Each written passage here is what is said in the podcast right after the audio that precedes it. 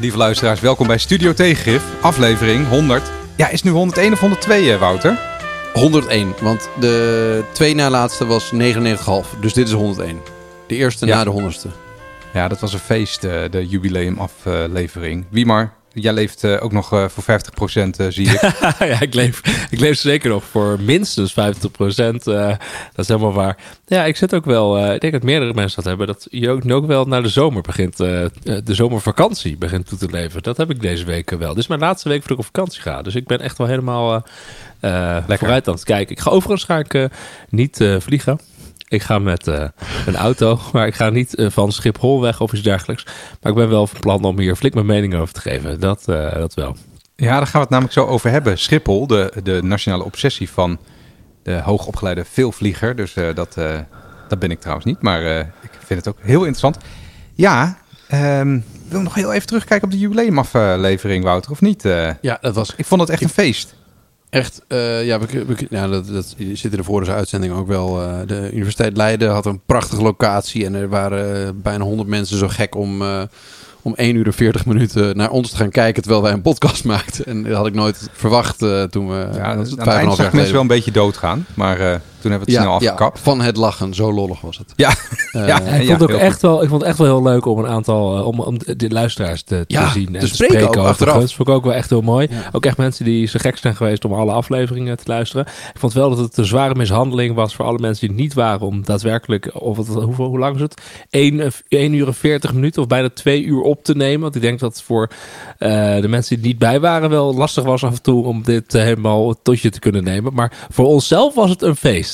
Ja, maar dat, weet je, dat, dat snappen mensen ook wel. Want het was gewoon, als je dit al honderd keer hebt geluisterd, en voor onszelf ook, het was een soort bijeenkomst van al, ja, voor mijn gevoel, of zeg ik nou wat heel raars, wij waren ook allemaal een beetje blije puppies dat we elkaar nu een keer konden zien en zo. En ik vond het echt superleuk. En je hebt ook het gevoel, dat is heel raar, dat je mensen een beetje kent eh, daardoor. Andersom zu- zullen ze, zullen ze dat Nee, ja, die mensen hadden gevoel ze- Ik had allemaal mensen voor mijn neus staan. Want achteraf gingen we even wat eh, bier drinken met die mensen. Eh, dat die mij, eh, die hadden. eh, Op een gegeven moment sprak ik iemand en die constateerden we, ja, u heeft ongeveer 150 uur naar mij geluisterd. Ja. En ja, ik heb u nog nooit ontmoet. dat is heel raar. Ja, toch, ik voel die verbinding. eh, ja, nou, laten we daar niet te lang op door uh, ouwehoeren, want... eh, dat- Overigens ging het wel bijna fout met die fles champagne. hè. Die, schoot, eh, die, die kurk schoot wel behoorlijk het eh je publiek schoot in. bijna Dat iemand had een oog eruit op de eerste rij, of aflopen.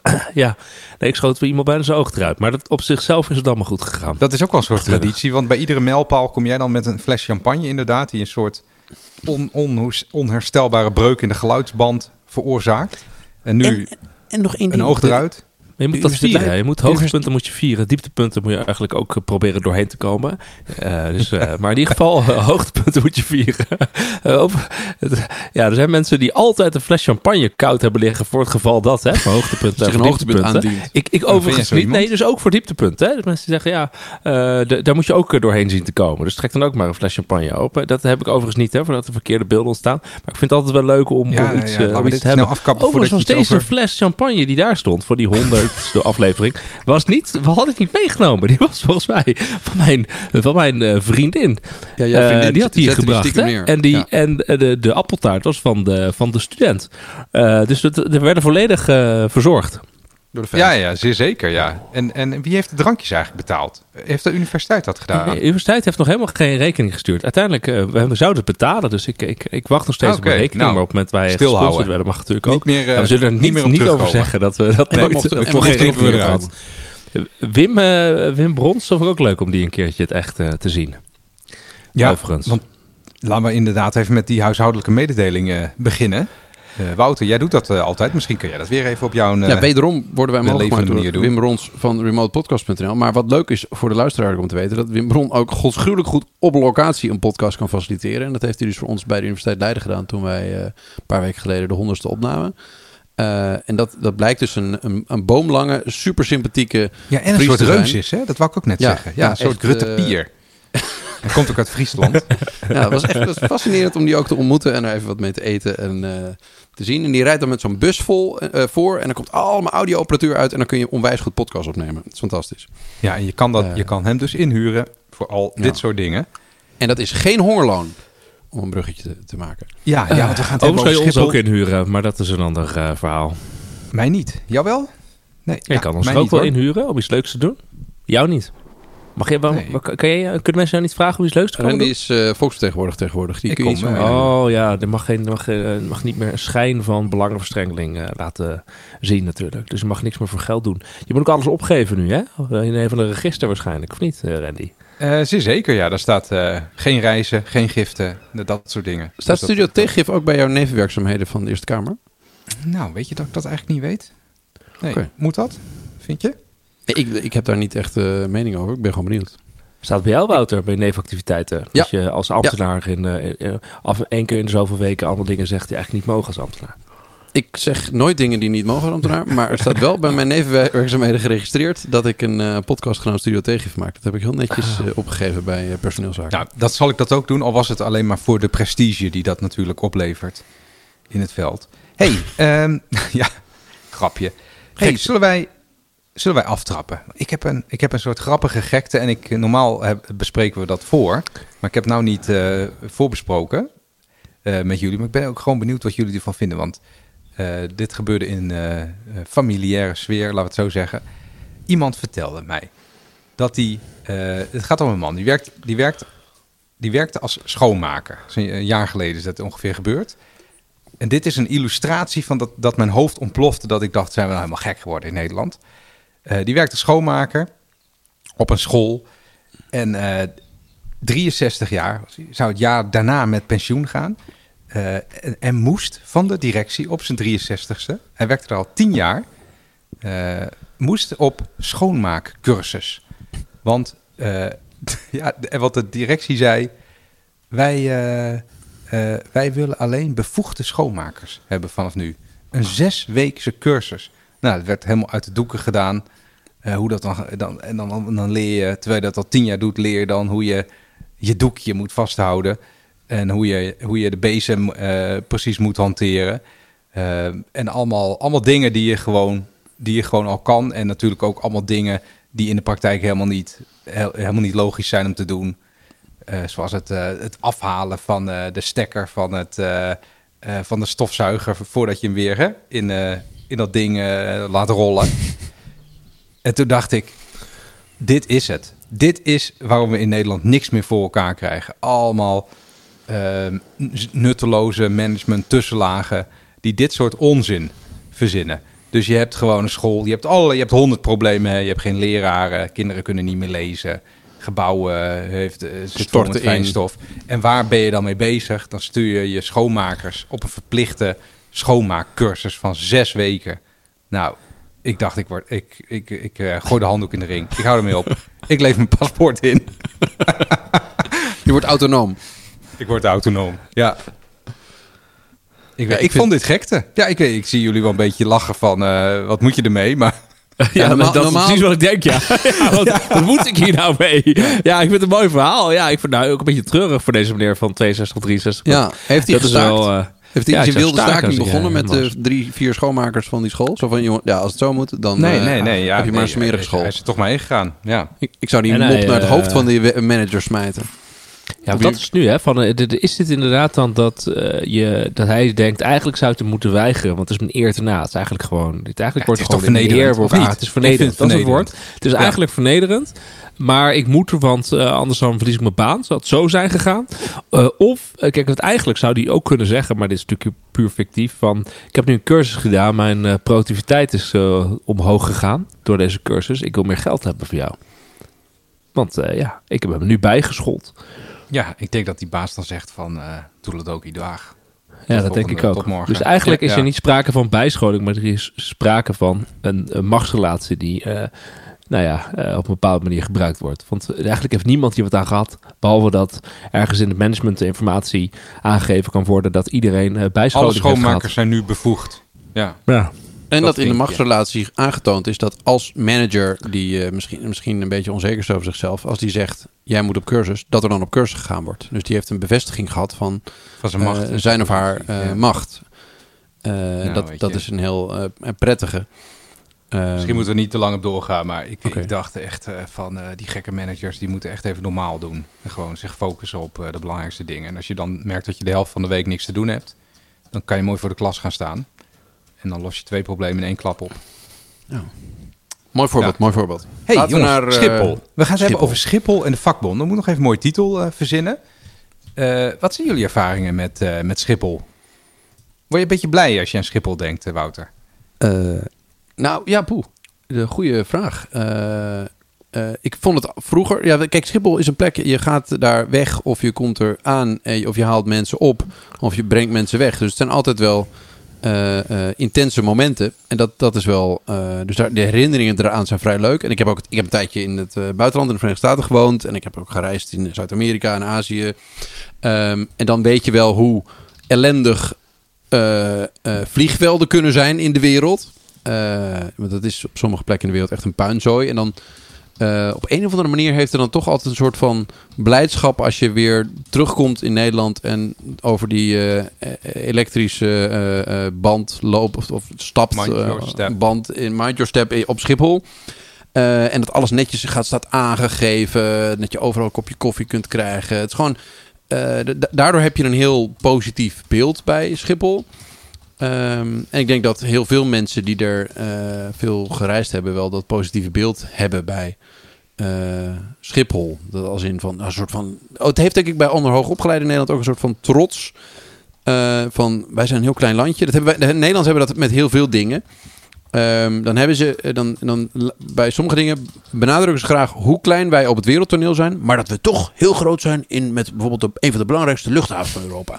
En dan is, weet ik veel, Bert uit Waddingsveen is daar opeens heel trots op. Dat vind ik heel raar. Dat dat, eh, dat, dat een soort nationale trots opwekt. Dat doet Schiphol. Nou, ik had, dit al, ik had, ik had eh, wel iets, zoiets verwacht, maar ik had niet verwacht dat je inderdaad zo'n soort lofzang van... van het, het, het concept. Schiphol. Ja, ik kan ook nog wel Ja. beginnen over eh, dat, dat Ja, het eigenlijk het raar is om een binnenkort, dat- onder, binnenkort onder water staande Delta eh, eh, flink onder NAP om daar de grootste luchthaven van Europa neer te leggen. Dat is een vrij imbeciel idee.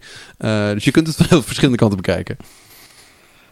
Ik vind het ook heel mooi. En inderdaad met de, de, die, die, die, eh, de lange, het is het, die, die- hoe heet dat dan? Het is geen roltrap, maar zo'n die lange, lange, waar je met je, met je tas overheen gaat. Ja, door die eh, Schipholse gangen. Ja. Super mooi. Ik weet niet hoe het heet.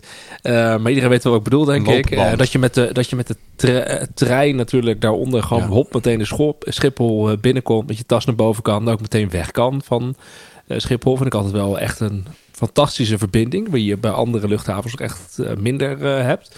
Eh, die OV-verbinding. En natuurlijk gewoon als je eh, ja, toch langs komt rijden met de auto. En als je dan de Schiphol ziet en alle landingsbanen. Je ziet de vliegtuigen landen en ehm, eh, eh, vertrekken. Dat, dat vind ik altijd een machtig mooi gezicht ook. eh, ja, dus ik, ik heb daar zeker wel een goede gevoelens bij bij Schiphol. Ja, toch wel inderdaad wel een gevoel van een nationale trots. En dat we dat als Ja, ik- Nederland dat hebben. dacht ik al. Zeker. Ja. Heb je dat Ja, niet dan, Randy? Nou ja, ja, ja, ik heb dat. Ja, weet je. Ik heb dat ook wel. Ik vlieg niet eh, zoveel, hè, zoals jullie eh, weten. Dus ik heb al jaren niet meer gevlogen. Eh, maar ja, het, het loopt. Als je terug, ik weet wel, als je terugkomt, dan denk je altijd: oh, wat is het niet goed geregeld? Dat soort. Ja, maar dat heb ik ook als ik de grens over rij of wandel Ja. of fiets of op welke manier, maar dan ook weer terugkom in Nederland. Ja, als ik dan vanuit België zo de snelweg Ja. met, vol met gaten en andere ellende weer Nederland eh binnenrij, rijdt. Daar hebben ze ook altijd het beste stukje snelweg ligt dan net aan de grens. Hè, om dat extra duidelijk Ja. te maken. denk ik altijd, ah, lekker, aardgas. Dus- Aardgasbaten. Dus maar dat is misschien hebben we ook nog één ander beeld. Ik heb wel een andere, want ik, Schiphol is een soort, je ziet altijd de bovenkant en je merkt ook bij Schiphol dat het verhoogd is. Dus je hebt, als je naar de treinen gaat, dan ga je heel eind naar beneden. Ehm, en daaronder zit natuurlijk ook een hele wereld. Maar en ik, toevallig heeft mijn pa tijdens de studententijd in, eh, in Amsterdam, dat was in de jaren, eind jaren 70, jaren 80, eh, gewerkt als eh koffershower op Schiphol. En die wist me altijd verhalen te vertellen over eh, dat het daaronder soms wat minder lollig aan toe ging.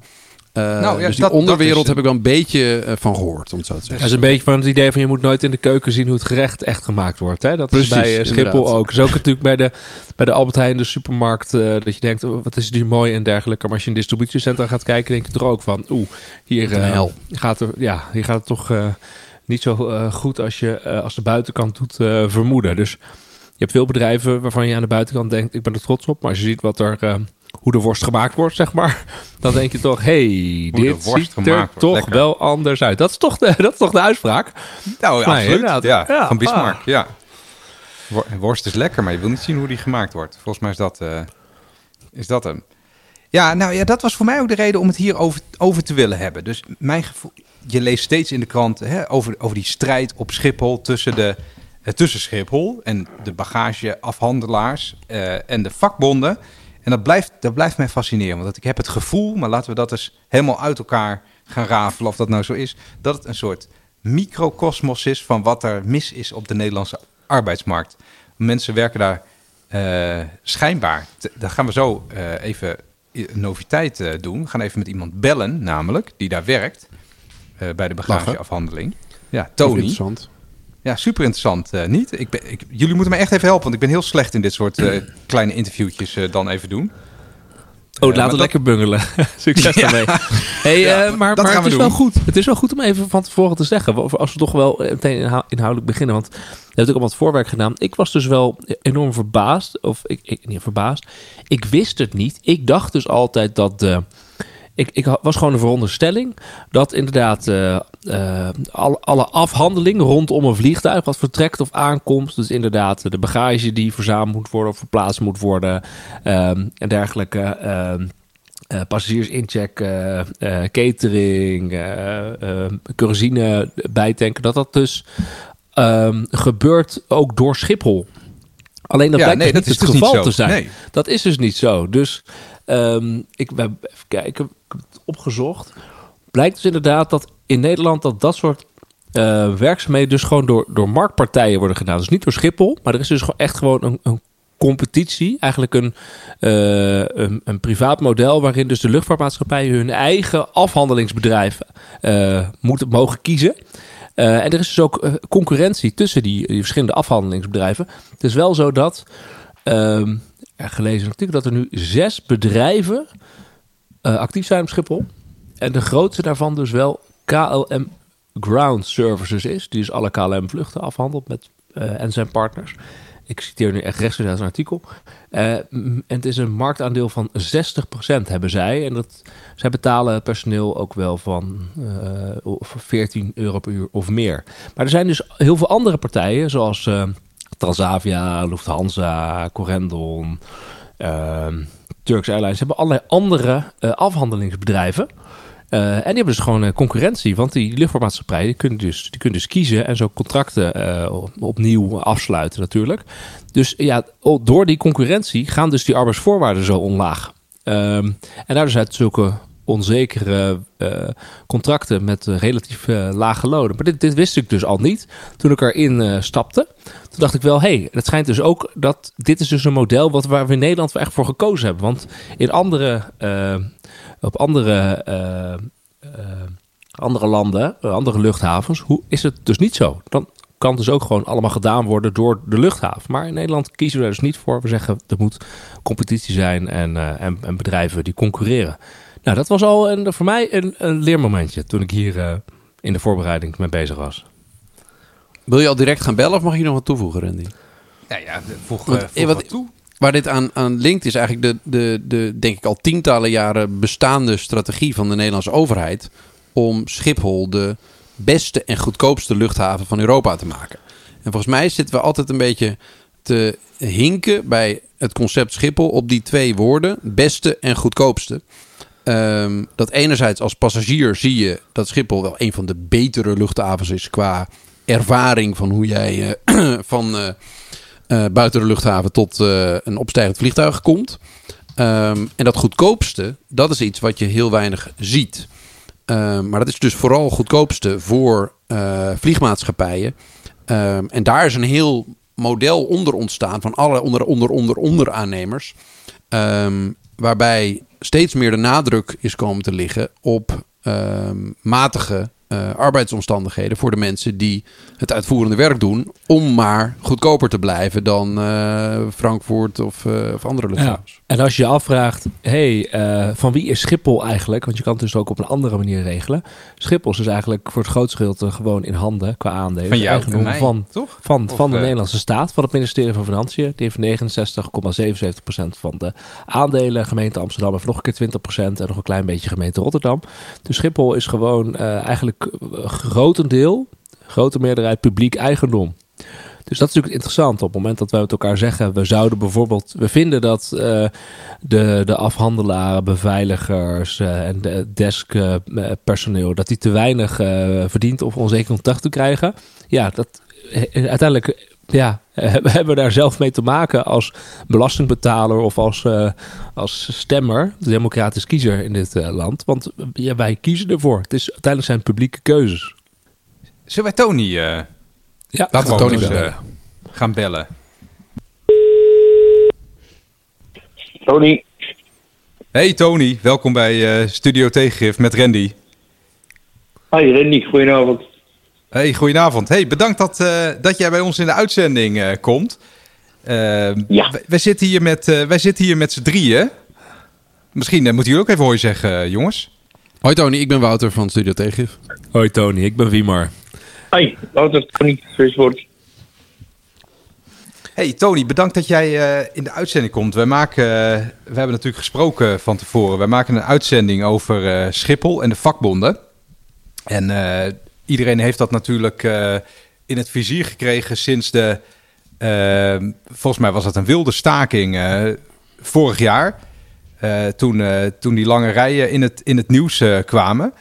Ehm, misschien dat, dat even als context. Misschien wil jij vertellen van. Jij werkt op Schiphol in de afhandeling. Misschien wil je even vertellen wat jij, wat jij daar doet.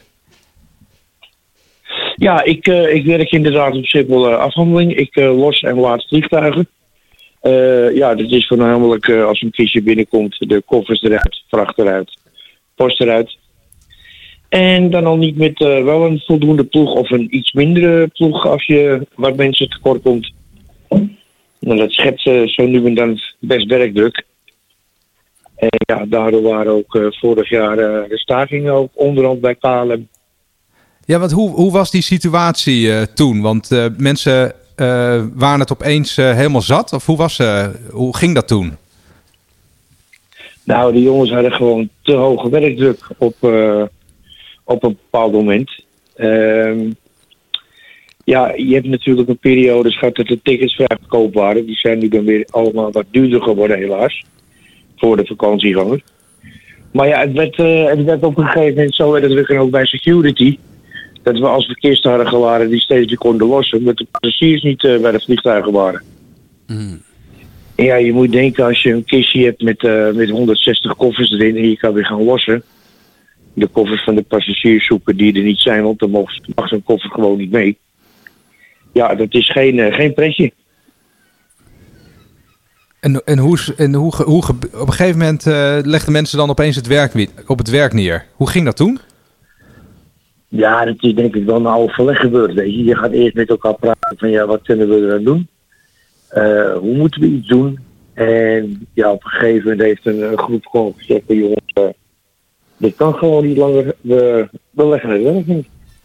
Zou je me wat meer kunnen vertellen? Ik denk dat de, het luisteraar wel behoefte aan heeft van met hoeveel mensen haal je een vliegtuig leeg? En, en hoeveel vliegtuigen per dag doe je dan? Hoe, hoe, hoe ziet dat eruit? Ja, het is op het moment vrij variabel. Uh, als we het hebben over kleine toestellen, dan heb je het over een uh, 737, uh, een Airbusje 320. Dan, ja, zoals in de ochtenddienst, als we beginnen om uh, vijf uur, ja, gaan de eerste alweer vertrekken. Dan doe je al vaak twee, drie vluchten achter elkaar. Dan is het even eten en daarna ga je weer verder met diverse vluchten. Maar het aantal vluchten, dat is nog een variabel. Dat ligt er net waar het wordt ingedeeld. En voor de ene vlucht heb je wat meer tijd nodig dan voor de andere natuurlijk. Maar je zit gemiddeld op zo'n vijf, zes vluchten op een dag. En, en mag ik wat vragen? Ik ben heel benieuwd, uh, Tony. Waar, waar, zit, waar zit dan vooral um, onder de jongens die dat werk doen uh, de zorg? Is dat, uh, dat het werk te zwaar is? Dat er te veel gedaan moet worden? Of dat het gewoon niet genoeg betaalt? Nou, het is een combinatie van. Het is, ja, het is sowieso fysiek zwaar werk. Ja. Um, ja, je hebt natuurlijk de, de laatste tijd uh, veel zieken. En ja, die jongens die zijn toen de tijd met het COVID-probleem zijn er een heleboel uh, weggegaan. Omdat het vluchtaanbod niet erg. Maar het is eigenlijk nooit aangevuld qua mensen op dienst. Dus ja, je hebt altijd een ja, moment van onderbezetting. En ja, de lonen mogen er ook wel wat omhoog. Weet je, het is die jongens die gooien koffers voor 12,60 uur. Terwijl ze elder- elders in een distributiecentrum bij Albert Heijn en misschien wel 14 of 15 euro kunnen verdienen. Dus het wordt niet aantrekkelijk gemaakt qua loon. En wat is bij jullie dan gemi- een beetje op de, op de vloer het beeld van waarom die... eh, want, want KLM is de, volgens mij de grootste eh, eh, partij die, die, eh, die de, de, de uithalers eh, in, inhuurt als het ware. Waarom is het zo dat die niet ervoor kiezen om wat beter te betalen... zodat ze eh, de vacatures zouden kunnen vullen? Wat, wat is de reden dat dat niet gebeurt volgens jullie? Ja, KLM heeft natuurlijk een heel ander CEO dan eh, de, de rest van de afhandelaars die op Schiphol werken. In 1996 heeft de luchthaven besloten van kom, iedereen mag het werk wel gaan doen. Dus er zaten in het begin, het werk er al vanaf 87, zaten we met drie afhandelaren. Dat was KLM, Martinair en Aeroground. En daarnaast zijn er nog wel een stuk of drie, vier bijgekomen. Dus ja, de vliegtuigmaatschappijen, zoals een TUI, een Corendon, een Pegasus, eh, United, ja, die konden overal wel een beetje loeien. Dus voor minder worden afgehandeld. Dus ook de salarissen niet meestegen. En eigenlijk eh, qua ORT en, en paalbedragen naar beneden gingen voor het personeel. Je zou toch denken dat die afhandelaren ook eh, voldoende personeel willen hebben. Eh, en waarom, eh, waarom liggen zij dan toch dwars, denk je, in het, als het gaat om het verhogen van die lonen? Nou ja, er zijn natuurlijk zodanige contracten afgesloten. Dat het allemaal op het minimum of misschien zelfs wel kostprijs eh, wordt afgehandeld. Dus ja, dan ga je niet extra personeel aannemen. Ja, dus zij zitten ook vast, bedoel je? Ja. En hier ga je geen extra personeel aannemen als je het dan toch niet. eh Kijk, en sinds vorig jaar hebben we natuurlijk eh, het sector CO, waarin dat soort dingen niet meer kunnen. Maar dan merk je toch dat er enigszins wel wat op personeel wordt beknibbeld, zo links en rechts. Ja, maar jullie hebben net een CEO op het verkeerde moment eh, afgesloten, lees je wel eens. Ja, klopt, klopt. We hebben even een stilstand gehad vanwege het COVID gebeuren. Daarvoor is het eigenlijk net afgesloten. Eh, ja, het had in mijn idee eh, had het eigenlijk een jaartje later moeten gebeuren. Ja, het is, het is wat het is op het moment. Het is goed voor het personeel natuurlijk, want ja, we kunnen niet meer verder naar beneden. Qua salaris of ORT of eh, dat soort gekke dingen wat er allemaal omheen komt. Maar eh, ja, nogmaals, de salarissen mogen best wat omhoog. Ja, want die CEO is net voor, net voor die grote inflatie van, van, eh, van nu, zeg maar, afgesloten. Ja, en helaas, dat is iets wat denk ik niemand heeft zien aankomen natuurlijk. Dat je opeens van eh, een normale 4, 5 procent naar 16 procent Nee. gaat. Nee, ja, ik denk dat daar kan, je, daar kan de vakbond ook niks aan doen, denk ik. Want is het nou ook zo dat, eh, dus die CAO is net, net eigenlijk op een onhandig moment afgesloten en die loopt, loopt nog tot 2025? Ja, Ehm, maar is, is het nou ook zo dat, de- dat de vakbond een zwakke positie heeft ten opzichte van die afhandelingsbedrijven? Of hoe zit dat? Eh, nou, dat is bij de ene bedrijf wat meer dan bij de andere. Ik bedoel, ik werk nu eh, sinds 2,5 jaar bij Swissport. Ik heb 21 jaar bij partner gezeten. Daar hebben we op zich wel een sterke leden, ledengroep. En ja, bij Swiss, ja, er zitten veel oud-gedienden ook. En die hebben natuurlijk door de jaren heen wel wat meegemaakt. Door naamsveranderingen, overnames van eh, aandeelhouders. Dus ja, er zit daar bij die jongens nog wel een beetje oud zeer. Want wat, wat, wat betekent dat oud zeer dan? Zijn, zien zij de vakbond niet zo, niet zo zitten? Of? Ja, klopt, klopt. Die vinden dat ze te weinig eh, hebben laten zien. En eh, ja, de mens kan soms wat halstarrig zijn. Ik probeer altijd duidelijk te maken, eh, weet je, van luister, we zijn samen die een, een, een, een, een, een directeur gaat niet zeggen voor 10 man, ja, we gaan het regelen. Maar dat doet hij misschien wel voor 150 man. En daar is altijd een beetje moeilijk doorheen te prikken. Hey Tony, mag ik een ander- een andere vraag stellen? Ik hoor bij jou ook wel een soort van liefde voor het vak en voor Schiphol terug in je, in je, in je antwoorden. En eh, er zijn heel veel, eh, volgens mij, oud-gedienden die, die dit vak best lang doen in heel veel verschillende arbeidscontracten. Ehm, is het dan zo, want je, je zei net bijvoorbeeld ook dat je zei dat het wel eh, jammer is als de prijs van vliegtickets eh, omhoog gaat. Eh, is het dan zo dat, dat er de mensen die dit vak doen ook wel een beetje een soort van, van Schiphol houden, om het zo te zeggen? En dat dat de reden is dat ze, want er zijn heel veel sectoren waar je op dit moment wel, waar, zo'n schreeuw om personeel. Maar dat er ook een soort van, ja, dat mensen toch iets hebben met Schiphol. Schiphol, dat is op zich een heel raar virus. Eh. Ik heb soms jongens die gaan weg, maar die zijn na een half jaar of een jaar toch wel weer terug. Wat is dat? Het, kijk, het werk op zich is hartstikke leuk. Je gaat met een ploeg naar buiten. Je probeert zo leuk mogelijk met een ploeg zo'n dag door, door te komen. Het enige dat we dan wel hoog in het vaandel hebben is de veiligheid. Want je hebt het ter alle tijden met mensenlevens te doen. En dat je met, met elkaar draag je zo'n dag en maak je zo'n dag.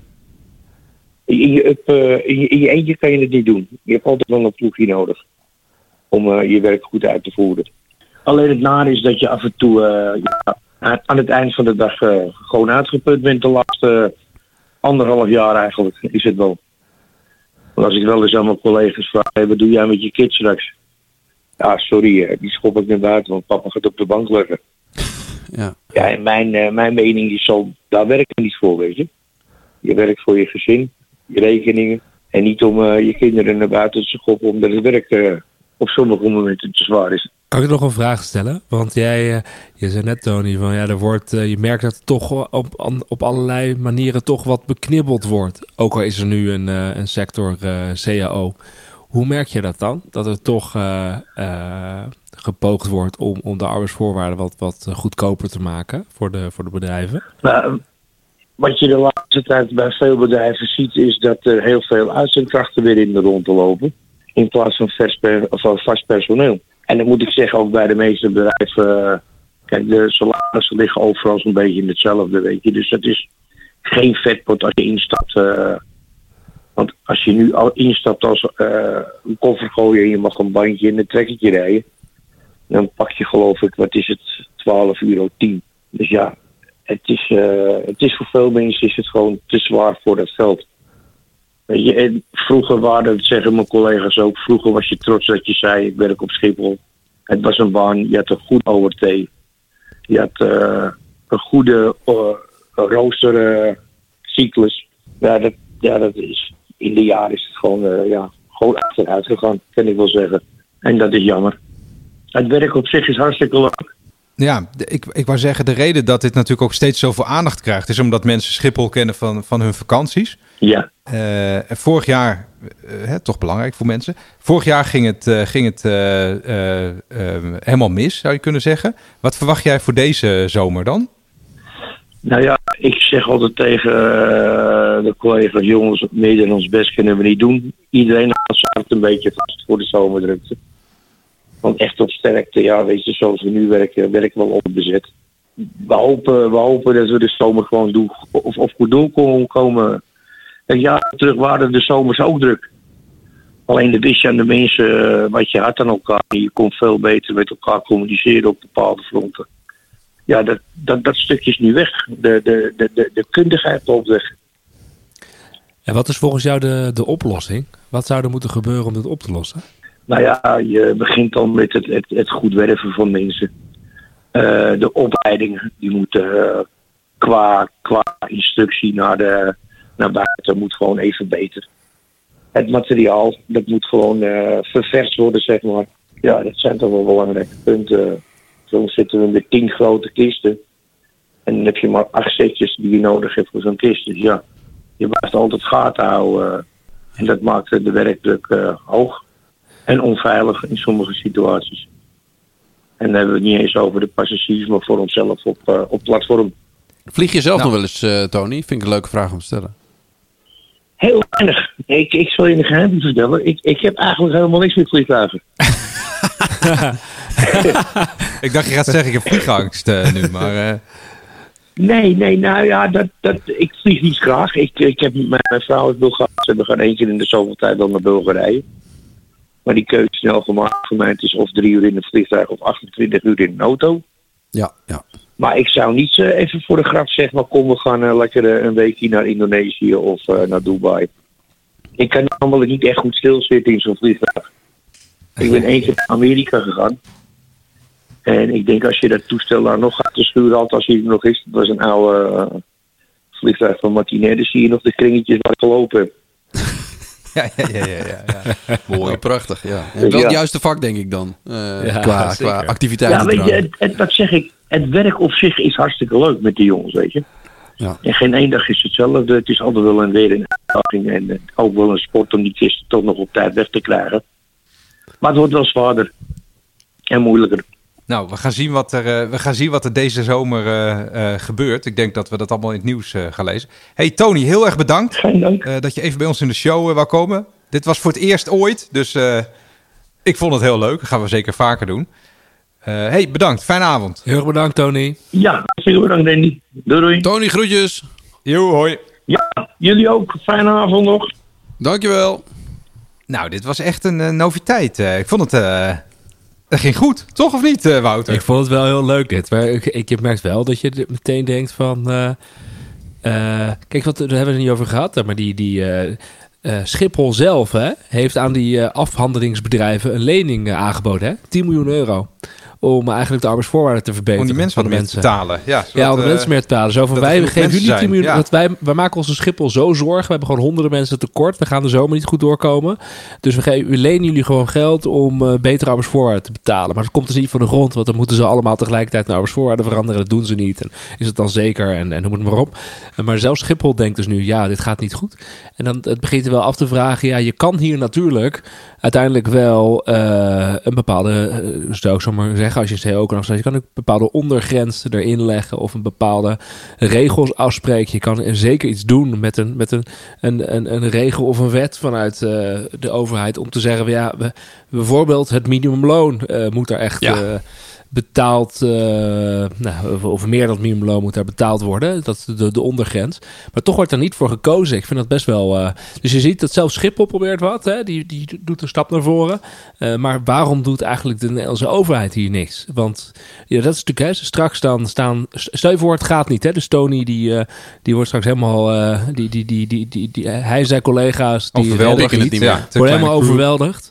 En dan staan er rijen bij Schiphol. Vliegtuigen vallen uit. En de beveiliging is niet goed. En, dat, en dan vervolgens gaan we allemaal klagen. En dan worden we boos op, op Schiphol. En dan gaan we de, misschien de, de, de nieuwe baas van Schiphol uh, moeten aan het veld uh, ruimen. Terwijl is dat eigenlijk dan degene die hier, uh, die hier wat aan kan doen?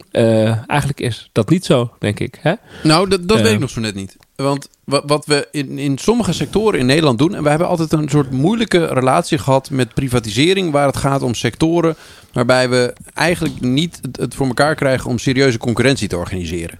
En dat is rond de, de, de uh, luchtvaartsector in Nederland het geval op heel veel vlakken. Dat we telkens twijfelen van, is dit nou een markt waar eerlijke concurrentie gewoon zo vrije loop moet krijgen? Of waar je uh, als overheid toch wel heel strakker normen moet stellen? Of dat je maar één partij uh, hebt en dan krijg je weer een soort van, als je dan één partij hebt, zoals Schiphol het concept zelf, dan heb je weer het aandeelhouderschap van verschillende overheden in die organisatie.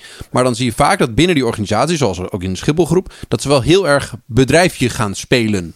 Um, uh, met met uh, richtingen van, van bijna winstoogmerken uh, en, en efficiëntieslagen en bedrijfsmatig willen acteren. Terwijl ze eigenlijk gewoon grotendeels overheidseigendom zijn. Ja, maar dit, deze, we hadden het net over dat de contracten voor, deze, voor, de, of, voor de afhandelaars worden mm -hmm. gesloten tussen de luchtvaartmaatschappijen en de afhandelingsbedrijven. Dus Schiphol zit daar niet tussen in die zin. Uh, dus kijk, de, als er in andere. Uh, maar daar is voor gekozen, uh, hè, dat model. Ja, is, voor, ja, in, in, in, is in dat, heel Duitsland is dat door, doen ze is het door Schiphol anders. gekozen of is dat door, vanuit door de, de staat? De, over, ja, door de staat gekozen. Dat is wat anders dus, hè? Dus we zouden de Nederlandse staat ze ook kunnen kiezen. Vanaf dit moment moet Schiphol, of vanaf de contracten aflopen, op een bepaald moment, moet Schiphol dit gaan organiseren tegen, noem eens wat, minstens uh, 15 euro per uur. Ik noem maar wat, hè, fictief. Ja, ja, je moet alle afhandelingen gaan organiseren. En er komt maar één bedrijf dat doen, namelijk de, de Schipholgroep. En uh, we stoppen met deze concurrentie, want uh, dit gaat niet goed. Dat kan. Dat, die keuze kan gewoon gemaakt worden. Alleen we doen het niet. Ja, omdat, omdat de, nu de situatie is dat iedereen naar elkaar kan wijzen. Dat dus die afhandelaars die zeggen: ja, wij kunnen dit niet voor een hogere prijs gaan doen. Want er wordt het tegen elkaar uitgespeeld ja, door de uh, vliegmaatschappijen. Klopt. En de vliegmaatschappijen zeggen: ja, ho, ho.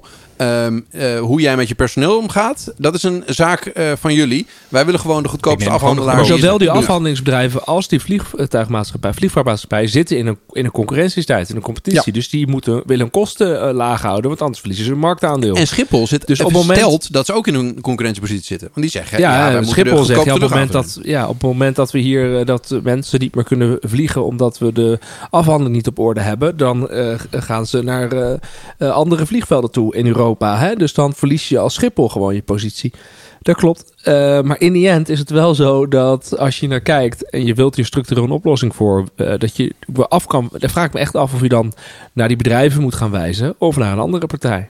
Nee, ik denk dus dat als overheid je naar... eh, Laatste zin, Randy. Dat je naar jezelf moet wijzen. Omdat uiteindelijk je als overheid die markt reguleert en ehm, organiseert. Ordend en ordend, ja. Je kiest het ordeningsprincipe. Het ordeningsprincipe wat nu is gekozen is dus die competitie. eh, die dus eh, naar beneden gaat qua prijs en qua eh, onzekere werkomstandigheden, arbeidsomstandigheden. Dus nou, is toch wel interessant, hè? Zoals uh, luister, lieve luisteraars, jullie in de rijen staan voor Schiphol eh, deze zomer. En of er zijn discussies over de afhandeling van, van eh, de vrachten. Eh, en dat gaat niet goed en er is geen personeel. Weet dan even naar wie Wie komt door? eigenlijk. eh, nou, het komt. Ja, door wie komt het? Nou, we, voor, het komt dus ook gewoon door onze overheid. Alles is de schuld van de overheid. hey, ik dacht, eh, daar, wil, daar wil ik toch nog even wat over vertellen. Eh, ik heb eh, als voorbereiding met nog iemand gebeld... die liever niet in de uitzending wilde. Ik vond, we moeten even nog vermelden dat dit best dapper is van Tony. Want zijn Ja. werkgever zou dit ook wel eens kunnen luisteren. Ik vind hem heel helder. Ja, ja, nee, ik heb dat ook gevraagd van tevoren. Hij, zei, hij zei zoiets van, ja, ja, dat horen ze wel. Ja, maar ja, het, Nou, het is ook, ik zeg ook niks wat niet klopt. Dus ja, nee, ik ben er helemaal mee eens. Dat moet kunnen. Je moet toch over je werk kunnen vertellen. Ja, zo is het. Ehm, En hij ja, houdt ook wel van zijn werk, dus dat is mooi. Ja, nou ja, het, het, het is dus ook leuk werk. Want ik, de andere persoon die ik sprak, ik moet niet per ongeluk eh, de naam noemen, maar dan kan jij het er nog uit eh, knippen, Wouter. Eh, de andere persoon die ik sprak, die zei: Ja, dat is super leuk werk bij de grondafhandeling. Deze mevrouw die zit achter een balie, dus hè, als je je dan incheckt. Eh, en wat mij ook heel erg opviel. ehm, zij zegt, zij heeft daar, eh, eh, nou, meer dan, dan moet ik het niet te specifiek maken natuurlijk. Ik heb helemaal het gevoel dat ik nu geheim moet houden. Ze heeft daar meer dan twee decennia gewerkt. En in die tijd is haar uurloon gestegen van 11,50 euro bruto naar 14,18 euro bruto. Dacht ik, jeetje. Ehm, dan, werk je er, dan werk je er zo lang, hè? meer dan 20 jaar. En dan is dat, eh, eh, dan is dat wat, je, wat je verdient. En mensen die dus nu daar beginnen, ehm, die, verdienen, die verdienen 11,50 euro bruto per uur. Eh, maar waar, hè, Maar de als je reden kijkt naar dan- waar haal je die mensen reëel inkomen, reëel inkomen is dus gewoon achteruit gegaan in 20 jaar.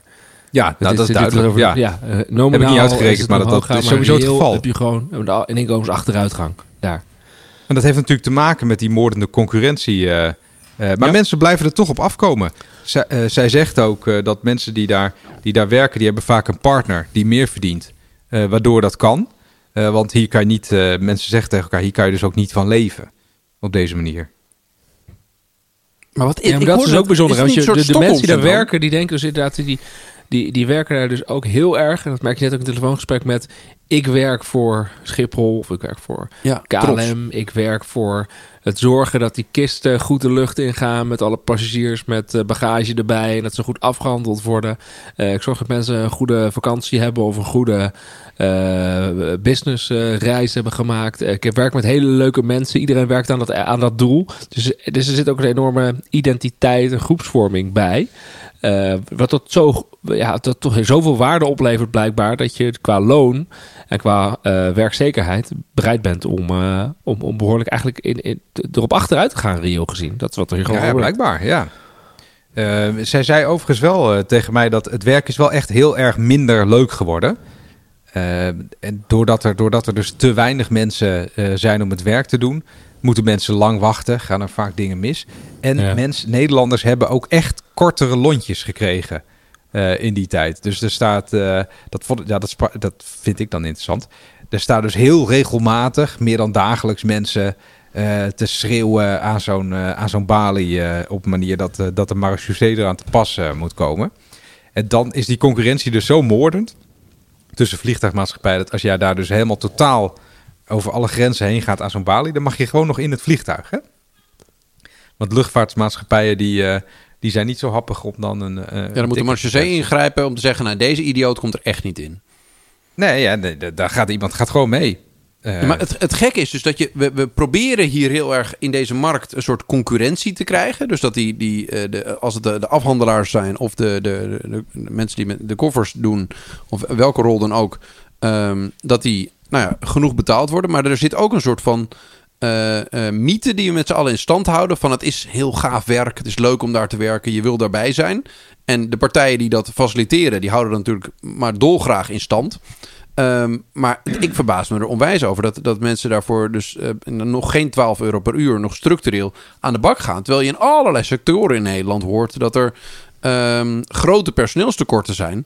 Ehm, en en dat, dat daar dus niet de prikkel zo functioneert dat ehm, bij zware lichamelijk werk, met een hoge werkdruk, met stress, met schreeuwende idioten die eh, op vrijgezellenfeest staan eh, voor je neus. eh, ehm, dat mensen dan niet besluiten, weet je wat, ik ga voor iets meer geld gewoon ergens anders werken. Ik, er- zijn allerlei sectoren waar ze mensen zoeken. Er blijft een soort van trekpleister op Schiphol zitten die, die mensen daar houdt. Het is een rare effect. Eh, dat Dat is raar. Dat is juist heel logisch. Dat is toch heel begrijpelijk. De, inderdaad, met het idee van een positieve identiteit. Ik werk eh, voor, voor een bepaald eh, Nederlandse, trots. trots. Ik werk met een groep mensen aan hetzelfde doel. We doen iets moois. We helpen mensen. We zorgen voor mensen. Ehm, als je de bagage afhandelt, dat je met een groep mensen heel fysiek werk doet en heel die, die kisten vol eh, eh, legt en weer leeg trekt. Dat is echt, eh, dat, en je moet ook samenwerken. Dat is echt wel, ik snap dat heel goed. En daarnaast, maar nu wordt het misschien wat economisch. Ik snap ook wel dat de arbeidsmarkt is gewoon niet zo heel erg mobiel. Dus we veronderstellen wel eens dat mensen op de arbeidsmarkt eh, allerlei keuzes maken eh, om van de ene baan naar de andere te gaan en heel erg te Ja, ja. reageren op lagere lonen of hogere Stukken belastingen, veel. whatever. Ik word nu Maar stukken dat door. valt, Ja, ja, dat valt gewoon echt heel erg eh, mee of heel erg tegen. Je verandert niet zomaar van beroep en je verandert niet zomaar van sector. En je verandert, dat gebeurt gewoon echt veel minder.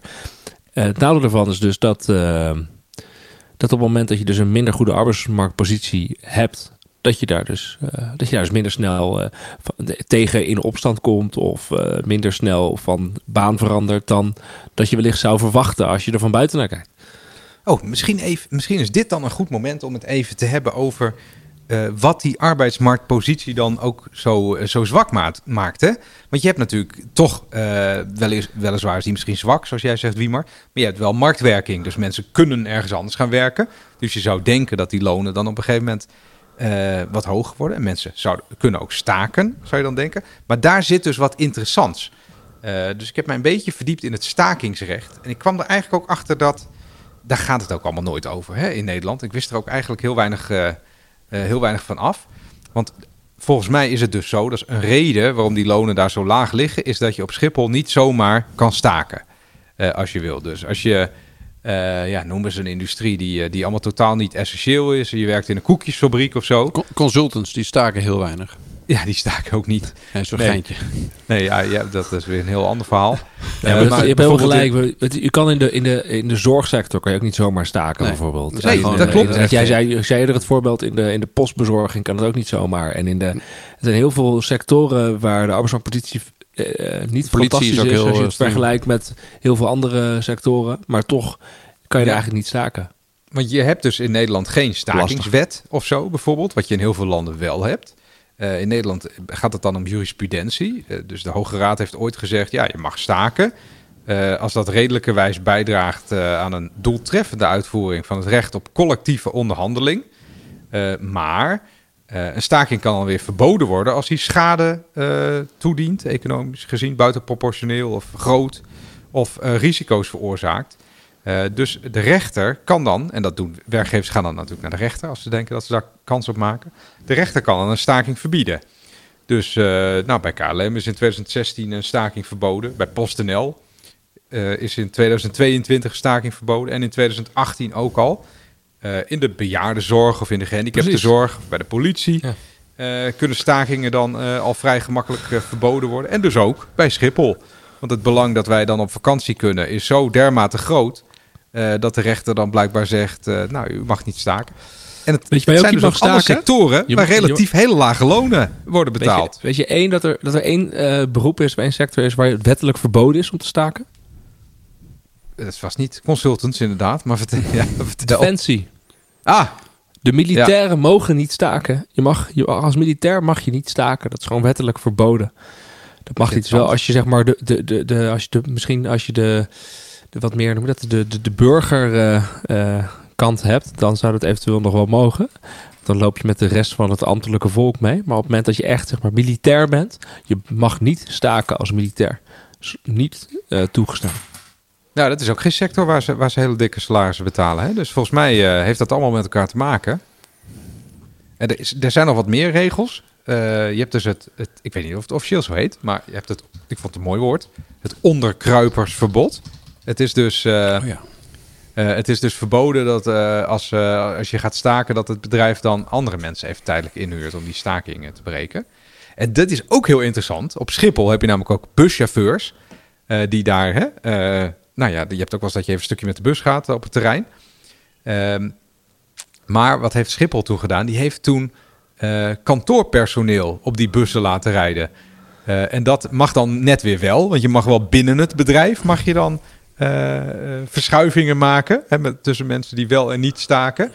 Eh, maar dat kantoorpersoneel dat had dan, dat was een heel grappig voorbeeld van de blijkbaar de, hè, de uitzonderingspositie van Schiphol. Eh, je mag niet zomaar op een bus rijden, moet je groot rijbewijs hebben. Maar omdat Schiphol dan een privéterrein is, hoeft dat Maar dan mag het wel. Ja, dan mag het wel, ja. Dus dat is weer eens zo'n voorbeeld van dat het, dat het, dat het blijkbaar eh, een heel bijzonder, heel bijzonder geval is. Het is verder ook nog, en dan, eh, dan, eh, dat is alles wat ik erover te zeggen had. Het is ook verboden om anti-stakingspremies eh, te betalen. Dus aan de ene kant hè, worden werknemers wel, wel beschermd door dat onderkruipersverbod en anti-stakingspremies. En aan de andere kant heb je dus sectoren waarbij de rechter regelmatig zegt: nee, jullie mogen niet staken. Bijvoorbeeld die PostNL-staking, dat is misschien het, het laatste wat ik erover zeg. Die mocht wel doorgaan, maar de voorwaarden waren zo streng. Eh, namelijk alle medische post, rouwpost en braille-post. Ja, eh, ik kan zeggen, ook als je blind bent, dan kan je even een paar dagen geen, eh, geen post krijgen. Maar goed, al die post die moest dan bezorgd blijven worden. Met als gevolg dat 90% van de mensen wel, wel gewoon moest werken. Waardoor die hele staking zo, zo krachteloos werd dat de vakbonden maar gewoon afge, afgeblazen hebben. Ja, dat, ik vond het wel lollig dat in februari was er dus zo'n staking geweest van de beveiligers op Schiphol. En eh, Schiphol voerde daar precies het argument aan dat jij net eh, uitlegde. Ehm, dat het dus te grote eh, gevolgen had. Want volgens mij waren er toen zo'n paar honderd vluchten die niet konden vliegen. Eh 600 vertrekkende, vertrekkende vluchten hadden last van deze 24 uur staking van die beveiligers. Ehm, en, en toen werden dus Schiphol voerde aan, dat, voerde aan dat het grote economische gevolgen voor Nederland had en dat het daarom niet zou mogen. Ehm, en de FNV voerde toen aan in de rechtszaal dat het ook grote eh, economische gevolgen had om beveiligers 0% loonverhoging eh, te geven. Doordat je eh, mensen had die niet goed in hun levensonderhoud rond kunnen komen. Vond ik wel een interessant argument dat ze daar. Ja, precies. Want die, tot in de die, rechtszaal kan, die kan omkopen. Die zijn dan natuurlijk eh, ook eh, vatbaar Gewoon voor, eh, voor omkoping en voor, Ja. voor andere soorten van beïnvloeding. Dat is een interessant argument. We zijn nu wel zover gekomen dat we in ieder geval twee keer nu een conclusie hebben. Namelijk de eerste dat er minder, dat de concurrentie beperkt moet worden. En dat de overheid daar een ordeningsrol heeft. Ja. Ja. Maar de tweede gaat dus over het stakingsrecht. Dat er geen stakingswet is in Nederland. En dat het eigenlijk wel, nou, dat daar die positie toch wel versterkt mag worden. Want op het moment dat je in een aantal, eh, ehm, aantal van dit soort beroepen eigenlijk bijna een verbod hebt om te staken, of in ieder geval dat het zo beperkt is, dan, dan denk je wel, ja, ja, wat heeft dat dan precies voor zin, hè? Ja, Eh, hoe kom je dan manier? voor jezelf op? Eh, Precies, Ik vind dus- dat wel dus- een goede vraag. Maar dit zijn allemaal beroepen waarbij, dat was in de zorg, is dat ook het geval, waarbij je ook betaald wordt met een stukje liefde voor je werk. Ehm, en de, de- in de zorg is, wordt heel vaak van, ja, maar je, je doet het toch ook voor de patiënt. In het onderwijs is het ook heel vaak van, ja, maar je doet het toch voor de leerling. In defensie Ja, maar je hebt toch een eh, hart voor de zaak als Wouter, dat is militair. Ja, toch emotionele ja. Nee, chantage. maar- nee, maar- ja, maar dus- daar kan, je toch, net daar kan je toch huur niet mee betalen? Dus of wel? de- er is ook al emotionele chantage. Op het moment dat, dat inderdaad, op het moment dat, er, dat, dat de afhandelaren met z'n allen toch gaan staken, dan eh, staat eh, is heel Nederland een zagerijn. Want je zegt, jeetje, hoe kan dat nou? Want we willen toch allemaal op vakantie? En op het moment dat er een zorg gestaakt wordt, jeetje, jeetje, hoe kan dat nou? leven is Want, shit. zijn mensen, leef voor die twee weken. Ja, precies. De zorg, ja, de, de patiënt, de patiënt, die kan hier toch ook niks aan doen. En die is dan de dupe. En zo wordt het, dus er is gewoon emotionele chantage dan, 100%. Want je, er, je, er wordt eigenlijk gezegd dat er een soort van algemeen belang, dat je een soort algemeen belang of collectief belang, eh, dat je daar tegen ingaat doordat je voor je eigen arbeidsvoorwaarden of voor de, de arbeidsvoorwaarden van je groep opkomt. Ja. Dat gaat dan tegen het algemeen belang van de Nederlander in. Maar Eh, allemaal dat mooi en dan- aardig. Maar het gevolg is dus dat je daar voor 11,50 euro aan de slag Ja, kan. Als dat volwassen. Ben je gewoon een volwassen man of eh, je hebt, je hebt kosten, net als ieder ander, maar daar kan je maar, Kan je zo, niet word je rondkomen. maar dat betaald. Ja, ik, ik ben er nog niet helemaal over uit. Hoe kan je dan...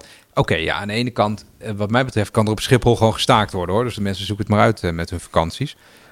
Maar in de zorg snap ik wel dat je niet zomaar twee weken kan staken. Maar hoe zorg je dan dat mensen wel beter collectief kunnen onderhandelen?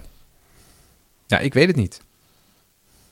Nee, ik, ik weet niet de oplossing eh, dan, dan om dat, dat rond staken te doen. Maar ehm, wat, wat, wel, ja, wat je eigenlijk kunt concluderen, dat er een soort weeffout in het systeem zit. ehm, dat binnen sectoren waar het zo cruciaal is in onze maatschappij dat het gebeurt, we structureel te weinig loon betalen. Ehm, en dat het gedeelte waar we mee willen betalen is ja, dat je het toch zo leuk vindt. Eh, om, en dat het, dat het broederschap onder die, eh, die koffers journalisten zo, is, bij zo journalisten is dat natuurlijk ook, hè? Wij ondermijnen die ook, die prijzen ook- ook door dit, dit allemaal weer gratis te doen. Dus Ja, en het gekke is dat we dus- erg. uiteindelijk, in mijn ogen, is de enige oplossing is accepteren dat het duurder wordt. Eh, dus dat de, de reële prijs, dat binnen de luchtvaart hebben we nu een soort van eh, eh, historisch Ja, maar jij veronderstelt nu, Wouter, dit is, een- eh, dit is wel een Ja. klassieke fout. Jij veronderstelt nu dat we het niet accepteren als het duurder zou worden. Wat maar accepteren Als- dat ik, prima. Ik, hoef maar, ik, ik, heb, ik heb moment flink dat- ingelezen. Dat alle argumenten die altijd gaan is, zijn van... De, KL, de, de KLM mag niet te Ja. duur worden. Schiphol mag niet te duur worden. Maar als we allemaal 1 euro per ticket meer betalen, dan gaan of die heleboel. Ja, dan is minimumprijzen... dit dik opgelost. Dan is het opgelost. Ik denk dat een Eh, euro, eh, iedereen, veel is. Ik denk dat iedereen in Nederland denkt... ja, 1 euro per ticket. eh, Oké, als ik daarmee op vakantie kan... dan, gaan we dat, dan betaal ik dat nu. Ja, maar Ja. dus, Dus eigenlijk gewoon zeg je, als het zo makkelijk dus was... het, dus, het gaat niet, nee, maar dus het gaat niet over eh, accepteren dat het duurder wordt. Eh, het gaat er, dus speelt iets anders. Want ik denk dat, dat, het beste, dat mensen, de consument, zou het best wel accepteren dat het duurder wordt. Ik zou dat wel accepteren, ja. Ik, die euro die betaal ik dan eh, graag. Ja, weet dus je- het weet probleem is er niet de consument, volgens mij. Nee, Want volgens mij is het probleem dat, als, nou, laten we het zo zeggen, als je het specifiek over Schiphol hebt, want dit is dus wel iets wat leerzaam is voor de bredere eh, samenleving, volgens mij. Mhm. Maar specifiek Schiphol heeft de overheid eh, bewust een constructie gekozen vanaf 1996, zegt eh, eh, Tony net tegen ons, eh, om te werken met commerciële afhandelaars, terwijl mensen Ja. ook gewoon ambten, ja, bij wijze van spreken, ambtenaar bij de. Schiphol eh, BV eh, kunnen zijn. En volgens mij doe je dingen als overheid om te zorgen dat de welvaart toeneemt, dat mensen het goed hebben. Maar het gevolg van deze constructie is dat die mensen die daar werken, allemaal tegen bodemprijzen werken, met te weinig mensen, te hard moeten werken, alleen nog maar op de banken kunnen liggen in plaats van met hun kinderen kunnen spelen. Eh, dus waarom doe je dat dan? Moet je, je niet gewoon eh, één grote afhandelaar eh, creëren? Of, heeft, of, heeft Schip, of levert dit dan zoveel welvaartsvoordelen op dat we er als land alsnog beter van worden? Ik zie dat niet hoor. Ik zou niet weten waar dat moet zitten. Ja, maar daar zit dus een soort mythe in die wij met elkaar gemaakt hebben van het vestigingsklimaat van Nederland heeft er ontzettend veel aan als wij een hele drukke luchthaven hebben. Ja, maar dat is toch Eh, gewoon onzin. Mensen vliegen hier toch gewoon heen omdat ze eh, gewoon eh, werken of eh, zaken of vakantie hebben in, in Amsterdam. Ze gaat toch niet. je vliegt toch niet op Schiphol terwijl, je naar, terwijl je naar Berlijn moet. Je vliegt toch gewoon heen waar je heen moet. Nee, met Schip- Schiphol is vooral een transit hub. Dus het zijn mensen die, van, die uit buiten Europa komen en overstappen op Schiphol. ja, dat weet ik. Maar wat, wat, wat verdienen we daar nou aan? Dat die Nee, maar hier daarom, het, het is ook een, een, een kul argument van het, dat vestigingsklimaat. Eh, en het tweede argu- eh, eh, argument dat daarvan afgeleid is, is dus de algemene economische groei en de banen die, het, die afhankelijk zijn van Schiphol. Dat dat echt nodig is voor de Nederlandse economie. Ja, maar dat zijn dan blijkbaar allemaal van die banen voor 12 euro per uur. Of ben ik dan te cynisch, Wouter? Nou, er zullen Dat ook wel wordt mij vaak, eh, toevoerketens daar word en ik vaak van beschuldigd over. ja. Ja, dat zal het wel waar zijn. Er zitten ook, wel, er zitten ook allerlei eh, aanvoerketens en toevoerketens natuurlijk rondom Schiphol heen. Die, er, eh, die natuurlijk ook allerlei, die geraakt gaan worden op het moment dat je Schiphol zou, voor, zou verminderen. We Eh, gooien dus, het niet dicht, hè? dus We gooien het niet dicht. We zeggen alleen, zullen we mensen 2 euro per uur meer betalen? het eerste effect is in ieder geval wel natuurlijk dat er, eh, dat er, dat er eh, andere economische activiteit negatief geraakt wordt. Tegelijkertijd, dat is dan één, het eerste effect. Dynamisch gezien verandert natuurlijk, eh, verandert natuurlijk veel minder. Want ja, die, die mensen gaan ook wel weer ander werk of andere economische activiteit ontplooien. Dat is natuurlijk sowieso hè, dat het ver- verhaal dat op het moment dat je dat je het aantal vluchten op Schiphol vermindert, dat er dan duizenden, duizenden banen gaan verliezen. Ja, dat, dat zou op dat eerste moment zo zijn. Maar die mensen kunnen ook op andere plekken zeker een baan vinden. Dus het is echt niet zo dat dan... eh, Sterker nog, ze verdienen het- meer waarschijnlijk. Dus dat, Ja. dat netto-effect Ja. kan wel heel goed zijn voor de economie. Ja, dus het, er is wel een verschil tussen het eerste orde en het tweede orde effect. Of het bruto netto effect. Of hoe zeggen we dit normale mensen termen? Nou, jij, weet niet meer, hoe- jij weet niet meer hoe je met normale mensen praat, hè? nee, nee, ik ben helemaal, het tweede klaar. orde effect is groter dan het eerste orde. Nou, wat, wat, Oké, jong- maar jongens, Nou. wat er dus eigenlijk achter zit, is dat in Nederland houden wij heel erg van het idee van we privi- privatiseren het om de kosten te drukken, zoals we met die handlers gedaan hebben. Dan komt er concurrentie en dan worden de lonen wat lager gehouden. En dan kunnen lucht, vliegmaatschappijen gewoon kiezen welk bedrijf ze doen, degene die het, het goedkoopst is, want dan hebben we concurrentie. Maar als de concurrentie tot gevolg heeft dat de prijzen voor eh, de, de, de, de reiziger of eh, dat schip eh, te hoog worden of dat Schiphol gaat krimpen, dan vinden we nog steeds, en dat zie je in de overheids bijdrage aan de Schipholgroep of aan KLM, die steeds weer boven komt, dan vinden we opeens dat het risico toch collectief is. Dus dat de overheid dat moet dragen. Eh, ik, ik verbaas me altijd in heel veel sectoren over dat we heel veel vertrouwen hebben in privatisering en concurrentie. ehm, als belofte om een sector eh, kostenefficiënt te laten werken. Maar als er vervolgens echte keiharde concurrentie is die negatieve gevolgen heeft. Bijvoorbeeld de luchthaven gaat krimpen. Of ehm, je moet mensen gewoon een eerlijk loon betalen. Dan moet de staat maar even eh, bijspringen. En dan, of, of dan is het gewoon een impasse. Jammer dan, de markt lost het niet op. Eh, ik vind altijd die, die ambivalentie in, in de, degene die geloven dat de vrije markt ook dit soort sectoren eh, heel erg gaat helpen. Dat snap ik niet. En volgens mij zit er een soort van eh, eh, structurele denkfout in. Ja, Ja, het is vooral, het is vooral een bepaalde irrationaliteit die ontstaat door de trotsheid op, eh, op Schiphol en KLM. Dat denk ik dat dat er vooral heel erg doorheen speelt. de, de blauwe Hey, trots, volgens mij hebben we een. eh, we, we, we hebben nu wel een soort eh, oproep aan de Tweede Kamer gedaan, nu langzamerhand. Eh ik hoop dat, het, dat mensen dat dan ook eh, zo eh, beluisteren. Want eigenlijk Wat is die dat, oproep, de wetten, dat er twee wetten aangepast moeten worden. dat is ongeveer onze oproep. Of de, of de Kamer dat allemaal alsjeblieft kan gaan doen. Of ze even een nette Dus- stakingswet willen Ja, of ze maken. net eh, even, even de stakingswet kunnen aanpassen. En of ze even kunnen kijken naar de, naar de nee, er ordening is dus geen de- stakingswet. Als ik het of goed er een eh, nieuwe? Of er een, ja, even een nette wet een stakingswet gemaakt kan worden. Die, die gewoon lijkt op wat de landen om ons heen hebben. Ehm, en dat in ieder geval de, de goede dingen uitgehaald eh, worden. En de tweede is dus inderdaad om te kijken naar die, die, die concurrentie eh, bij Schiphol. En dat je je af kan vragen, willen we dat eigenlijk wel als Nederland? Want is het eigenlijk wel echt in het voordeel van de, de, de consument? Want dat is dan eigenlijk de argumentatie hè, die eronder ligt. Mhm. Ehm, eh, en buiten dat je dat kan afvragen, of het wel echt in het voordeel is van de consument, is in ieder geval sterk in het nadeel van de mensen die daar werken. Zoals het nu ben ingericht. Dus volgens mij eh, ben benieuwd of eh, Ja, mensen en- in de zomervakantie eh, initiatiefwetten gaan maken. Want dat kunnen ik- Kamerleden in de zomervakantie wel even doen dan. Zeker Ik als ze staan te wachten voor Schiphol. Daar is je voor, toch? is geen vakantie. Extra om na werk. te denken. En ik denk dat je Tony en zijn maten allemaal heel blij maakt. Dat, dat, dat- ik krijg het niet op mijn hart om dat niet hier als oplossing voor alles te noemen. Is gewoon als het eh minimumuurloon fix omhoog gaat. Want mensen voor eh, 11 euro en een beetje eh een rug laten vernachelen met koffers. eh, dat is Ja. uiteindelijk. eh, dat, dus zou in punt, een Wouter. beschaafd land niet moeten gebeuren. Er zijn, Nee. dus, er zijn dus sectoren waar, waar die lonen niet door gewoon eh, concurrentie tussen hè, sectoren eh, naar een deugdelijk niveau gaan. Daarom heb je dus, dus, daarom heb je dus een Het minimumloon. minimumloon. Dat is, Ja. dat is precies daarvoor bedoeld. En dan moet je dus ook, daar was ook zo'n hè, zo'n groot rapport over. Je kan dus in Nederland eigenlijk niet leven van het minimumloon. Daar hebben we het al heel vaak over gehad. Dat is echt een, een nou ja, nogal, nogal getikte weeffout.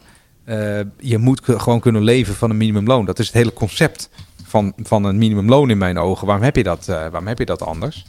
Eh, ja, daar valt wel wat te gebeuren. Ja, maar ja, je zou eigenlijk de mensen die dit hele fysieke werk doen op Schiphol en waarschijnlijk daar ook nog eh, daardoor eerder eh, dit niet tot hun pensioen aan kunnen doen. Dat zou je bijna wel verwachten met zo'n fysiek werk. Dan zou je eigenlijk ook nog verwachten dat je iets meer verdient. je Dat nog meer Een bepaalde Ja, compensatie krijgt voor de fysieke lasten die het met zich meebrengt. Wellicht zit dat nu op een of andere manier er al in hoor, maar dat zou je wel verwachten. Of in ieder geval hopen, dit wel wensen dat dat, dat, dat gebeurt. Ja, als ik dat zo hoor, dan, dan zou ik niet vreemd van opkijken dat er weer wild gestaakt wordt eh, eh, deze zomer. Ja, ik zou het ook echt eerlijk gezegd vrij terecht vinden. En ik zou iedereen die daar dan in de rij de dupe van is oproepen om niet boos te worden op, zijn op, de, op de mensen die dan wel daar nog voor Schiphol voor, uh, voor 11 euro een beetje werken. Maar vooral om boos te worden op de, de top die dit niet uh, organiseert. Want dit is een structuurvraagstuk en niet een, een fout van uh, die afhandelingsbedrijven of uh, per se. want die, die doen eigenlijk gewoon waarvoor ze op aarde zijn. Is namelijk gewoon zo goedkoop mogelijk die afhandeling doen. En als er te weinig mensen voor dat geld dit werk willen doen. Ja, dan, dan zit er toch een probleem binnen het gehele construct Schiphol. niet bij dat ene bedrijf. Hey, ik vond het een goede conclusie, Wouter. dit was een beetje een ander soort onderwerp hè, dan wat we meestal doen. Voor mijn gevoel. We hadden natuurlijk ook Tony in de uitzending. Dat maakt het ook al anders. Werkte dit een beetje, uh, vonden jullie? Ik vind het wel lekker, minder abstract. Maar ik vind dat, dat, zo'n interview erbij, daar moeten we even daar moeten we aan wennen. Dat, uh, met z'n drie is lastig. Ja. Uh, en ik vind, tot slot hebben, zijn we ook vergeten, we hebben helemaal niet genoemd dat... we hebben een uitzending van een uur gemaakt over de luchthaven Schiphol. We hebben het niet over het klimaat gehad. Over CO2-uitstoot. Um, en ik, in, bij het inlezen verbaas ik me toch wel... Kijk, dit, de arbeidsmarktpositie van mensen die op Schiphol werken is één ding... Maar een tweede is dat uh, in de rechtszaak die KLM op dit moment voert tegen uh, onze regering. Tegen die krimpplannen. Ja. Tegen de krimpplannen zegt de advocaat van Schiphol in de rechtszaal: wij gaan voor de eerste plek, wij gaan voor groei en daar hebben we recht op. Um, en ik denk dat daar nog veel meer gaat misgaan uh, in de strijd tussen de belangen van alle partijen die iets met Schiphol hebben en uh, de rest van onze maatschappij. Uh, de komende tijd dan we nu uh, voorzien, denk ik. Ja, en even voor de, voor de achtergrondinformatie. Wat er dus speelt is de discussie... mag je 500.000 vluchten per jaar doen of 440.000 vluchten per jaar, toch? Dat is ongeveer de, de, de rechtszaak, toch, Wouter? Als ik het goed heb begrepen. Ja. Dus de overheid zegt, je, moet, je mag niet meer 500.000, je moet naar 440.000. Ja, 44 en, en Harbers heeft nog een geste gemaakt om er 460.000 van te maken. Uh, en de vraag is of, of 460.000 überhaupt gaat lukken qua aantallen personeel. Um, maar ja, ja uh, KLM, Schiphol, uh, KLM en Schiphol uh, hebben de handen ineen geslagen. En die, die willen nog gewoon, vooral KLM, gewoon groei. Groei, groei, groei. En hoe, hoe vaak kan, hoe vaak kan iedere Nederlander vliegen met zoveel, zoveel vluchten? Er zit natuurlijk, meer, zit natuurlijk 200 mensen in zo'n vliegtuig of zo. Oké, okay. maar die, die 440.000 is al weggegeven dus. Het wordt sowieso 460.000, dat is al duidelijk. ja. Hey, uh, jongens, volgens mij uh, zijn we wel rond. Het is tien uur uh, precies. Ik weet niet waarom ik dat zeg, want de luisteraar die heeft daar natuurlijk verder niks mee te maken. Um, ja, ik vond het een mooie show. Moeten we nog even de huishoudelijke mededelingen doen. Wim Brons, heel erg bedankt van Remote Podcast. Je kan hem inhuren, ook voor live shows op locatie hebben wij geleerd. Dat, dat is van het allerhoogste niveau bleek te zijn. En hij is ook enorm lang, zoals Wouter zei. Dus dat maakt het alleen maar extra mooi. Uh, heb jij nog andere huishoudelijke mededelingen, Wouter? Ik kan dit helemaal niet. Jij doet dat altijd. Nee, doet oh, ja, dat is stichtelijk woord doen, hè, nu? Ik heb, ik heb genoten en uh, ik wil de luisteraar bedanken voor het luisteren. En de mensen die uh, al 100 afleveringen luisterden en nu de 101ste. en de positieve reviews op internet. Ja. Dus we hebben weer een paar nieuwe. Enorm blij mee. Dank. En goeie avond, middag. Of, of. En fijne zomervakantie allemaal.